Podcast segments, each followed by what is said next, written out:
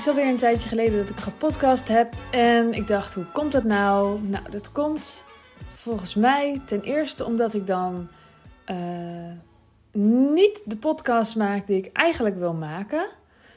Uh, omdat ik dan te veel inhoudelijk wil zijn. En ik heb me opnieuw gerealiseerd dat het gewoon mag gaan over wat me op dit moment bezighoudt. Dus ik heb mezelf voorgenomen om nu voorlopig weer een tijdje minimaal drie keer per week een podcast te maken.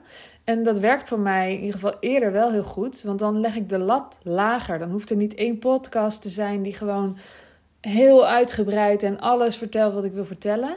Maar ehm, als ik vaak podcast, dan mogen ze allemaal kleine stukjes van wat er in mijn hoofd zit bevatten. Dus de lat ligt lager en dat werkt bij mij goed. Dus ik heb nu gezegd tegen mezelf minimaal drie per week. En als ik heel eerlijk ben, heb ik gewoon tegen mezelf gezegd: gewoon weer elke werkdag. Dus, uh, nou, ik ga mezelf, uh, het is winter, ik uh, mag naar binnen keren. Ik ga mezelf niet slaan als ik het niet doe. Maar dat is mijn intentie. Het is mijn intentie. Um, vandaag wil ik het even hebben over besluiten. En eigenlijk kan ik daar een hoop over zeggen, omdat ik heel veel besluiten heb genomen. Het is wel heel grappig, want heel lang dacht ik in het ondernemerschap bijvoorbeeld um, dat ik kansen moest pakken. En daarna ontdekte ik dat dat niet ondernemen is, maar dat het juist kiezen is. Want er is altijd wel iets van een kans. Het stikt van de kansen. Dat is echt niet hoe het werkt. En het is ook lastig omdat mensen om je heen vaak allerlei goed bedoelde adviezen voor je hebben van welke kansen je allemaal nog meer kan pakken. En ik ben daar heel gevoelig voor geweest. En dan dacht ik, oh ja, ik doe het niet goed, ik laat wat liggen. En dan ging ik al die kansen pakken.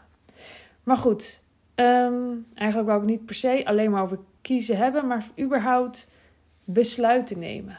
Dat is wel een beetje kiezen. Oké, vooruit. Het heeft toch met elkaar te maken. Ik heb uh, drie dingen over te zeggen. Dus ik begin gewoon bij dingetje 1. Uh, wat ik al een tijd geleden ontdekte, was dat er überhaupt altijd besluiten te maken zijn. Dat je hoofd vol zit, in ieder geval mijn hoofd, vol zit en zat um, met dingen waar ik over nadacht en waar ik een besluit over te nemen had. En um, dat kun je ook wel bufferen noemen. Want je staat een soort van stil. Je zit in een soort tussengebied die niet heel effectief is, waarin je ook niet zo productief bent meestal. En het kost heel veel energie om een besluit niet te maken. Dus wat ik je aanraad is om eens een lijst te maken, in je journal bijvoorbeeld, van alles waar je nog een besluit over te nemen hebt. Gewoon even een hele lange lijst te maken. En als je dat gedaan hebt, om dan vervolgens bij elk ding een besluit te nemen. Dat je bijvoorbeeld zegt, nou, ik heb uh, vandaag die uh, lijst gemaakt, morgen ga ik er even een uurtje voor zitten om overal een besluit over te nemen. En dat betekent dus niet dat je bij alles een heel plan moet hebben gemaakt, maar soms kan een besluit ook zijn: ik ga er de hele maand niet meer over nadenken. Het blijft voorlopig, het blijft deze maand zoals het is. En op die en die datum ga ik er opnieuw een besluit over nemen. Dat is ook een besluit. Dan zit je ook niet in die bufferstaat in het midden, in die, in die fase van vaagheid. Dus dat is mijn uh, eerste tip. Tip, tip, tip, tip. Oké, mijn tweede tip. Um, wat ik een hele leuke oefening vind, en ik weet niet of die al officieel bestaat, maar ik heb in ieder geval eh, bedacht. En hij bestond, bestond vast al, want iedereen bedenkt altijd alle dingen dubbel en zo. Maar je kent vast wel de voor- en tegenlijstjes, natuurlijk. Dat stond altijd vroeger in onze Tina of Fancy of Hitkrant. Of, nou ja. Um, maar dat is niet, vaak niet de manier om echt te ontdekken of je iets echt wil. Kijk, als er dan drie voordelen zijn en vier nadelen, dan kunnen die nadelen nog steeds zwaarder wegen. En het is niet een hele positieve manier om een, om een besluit te nemen. Um, zo kan het bijvoorbeeld ook zijn dat een voordeel is dat je er heel gelukkig van wordt. En een nadeel is dat het heel veel geld kost en heel veel gedoe oplevert. En nog een hele lijst. En kan het toch nog steeds zo zijn dat, dat het uiteindelijk voor jou goed is om het wel te doen. Dus wat ik je aanraad, als je twee opties hebt, bijvoorbeeld ehm, een bepaalde stap wel nemen of een bepaalde stap niet nemen, schrijf dan eens beide scenario's helemaal uit, maar schrijf ze allebei zo positief mogelijk uit. Dus je pakt je journal en je zegt: wat als ik ja zeg tegen, nou bijvoorbeeld een samenwerking? Wat als ik ja zeg tegen deze samenwerking? Dan schrijf je helemaal op wat als. Sowieso begint het met wat als. Schrijf je heel uitgebreid een heel positief verhaal uh, over wat er dan allemaal kan gebeuren. En, en wat de gevolgen dan vervolgens zijn. En hoe je leven dan is. En hoe je je voelt. En hoe je dan de dag erna wakker wordt. En hoe je je dan na een jaar voelt. En nou, al die dingen. En daarnaast schrijf je nog een verhaal. Wat als ik nee zeg tegen deze samenwerking? En in dit geval ga je weer heel positief dit verhaal schrijven. Super positief. Nou, dan word ik wakker en dan voel ik dit. En na een jaar gebeurt er dat. nou ja. En uh, er is helemaal geen probleem. Ik zeg maar wat. En vervolgens, als die twee verhalen geschreven zijn, lees je ze door. En dan ga je voelen welk verhaal je gelooft. Welke je in je onderbuik voelt warm worden, zeg maar. Waar je onderbuik warm van wordt. Als je er koud wordt, van wordt van binnen, dan is het meestal niet zo'n goed plan. Als je, word je er warm van, dan is het wel een goed plan. Dus voel en ervaar of je dit verhaal gelooft en of, het, of je er, ja, hoe noem je het in het Nederlands, excitement over voelt in ieder geval. En of je er warm van wordt. Van welk van de twee verhalen word je warm? Van welk, welk van de twee verhalen klopt meer? En welk van de twee verhalen ehm, ja, geloof je het meest? En dat is de weg te gaan. Dat zou ik altijd zeggen, dat is jouw weg om te gaan. Het uh, leuke eraan is, is dat je dan echt geprobeerd hebt allebei de, allebei de opties zo positief mogelijk door te leven. Uh, want het is natuurlijk ook super makkelijk om ze allebei heel negatief op te schrijven, werkt vast hetzelfde. Maar ja, zo kan je het vaak het beste voelen. En is er ook um, zo min mogelijk angst bij. Want angst um, is een slechte raadgever. Heeft u die wel eens gehoord? Nee, maar het is wel zo. Door angst um, kan je meestal helemaal niet de beste beslissingen nemen. Dus als je angst uit die beide verhalen is, dan uh, ja, kan je beter voelen wat je echt wil. En um, het kan je heel erg helpen om een besluit te nemen dat je wil nemen. Nou, dan vervolgens mijn derde tip-ding. Denk goed na over wie jij om advies vraagt. En wat je er vervolgens mee doet.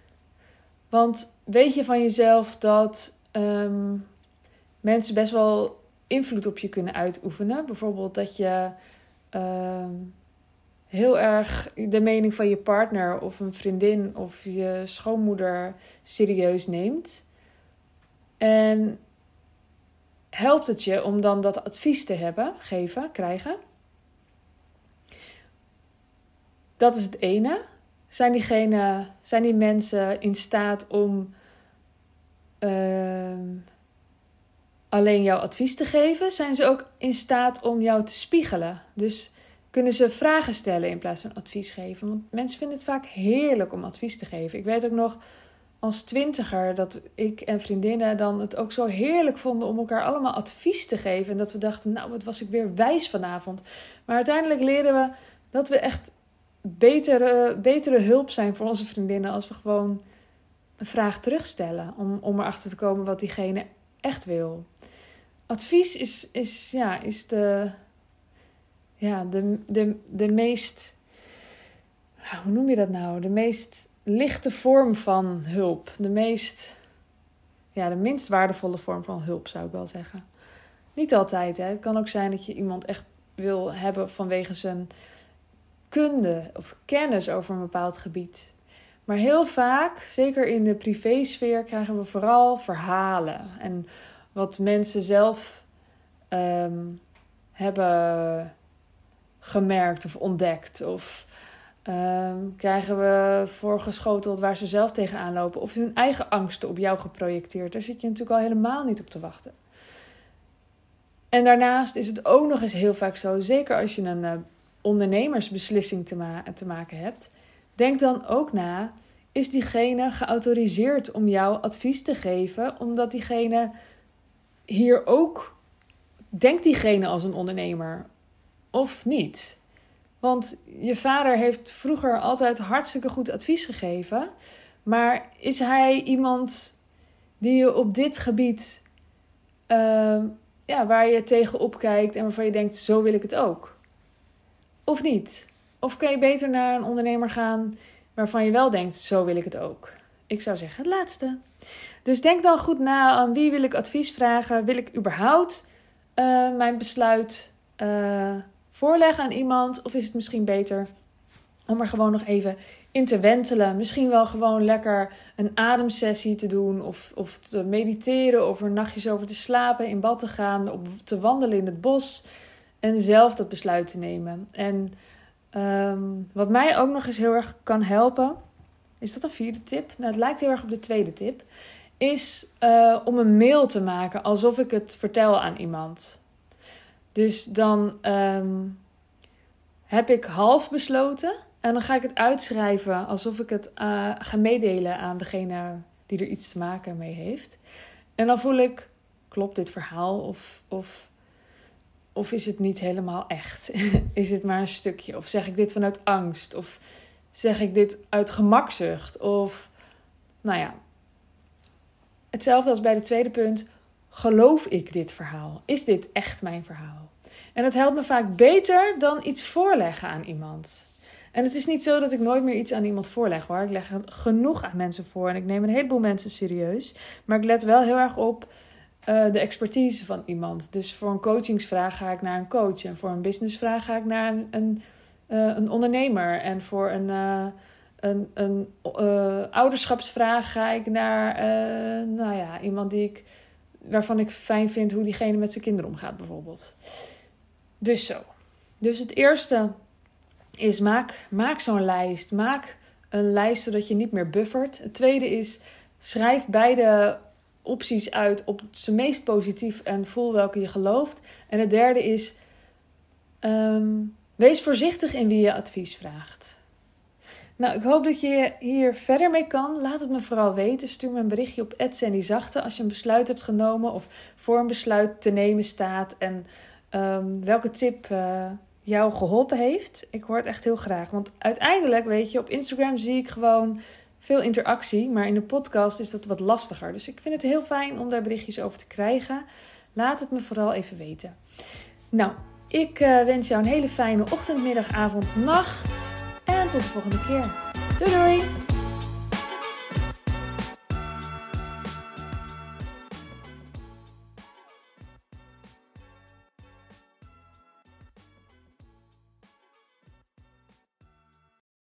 Wil jij bouwen aan 10 keer meer eigenaarschap over je leven? Wil je dat door middel van zelfvoorzienend leven in het kleinste zin van het woord, ondernemerschap en persoonlijk leiderschap? Kom dan bij Community Leven Vrijheid, waarin een hele groep wilde mensen is die hier ook mee bezig zijn, die dit ook willen en die heel graag met je willen uitwisselen. Over moestuinieren, over grootse plannen, over hun eigen bedrijf opbouwen, over allerlei aspecten die allemaal samen zorgen voor een, een leven buiten de logge systemen. Ga naar wildemens.nl als je erbij wilt.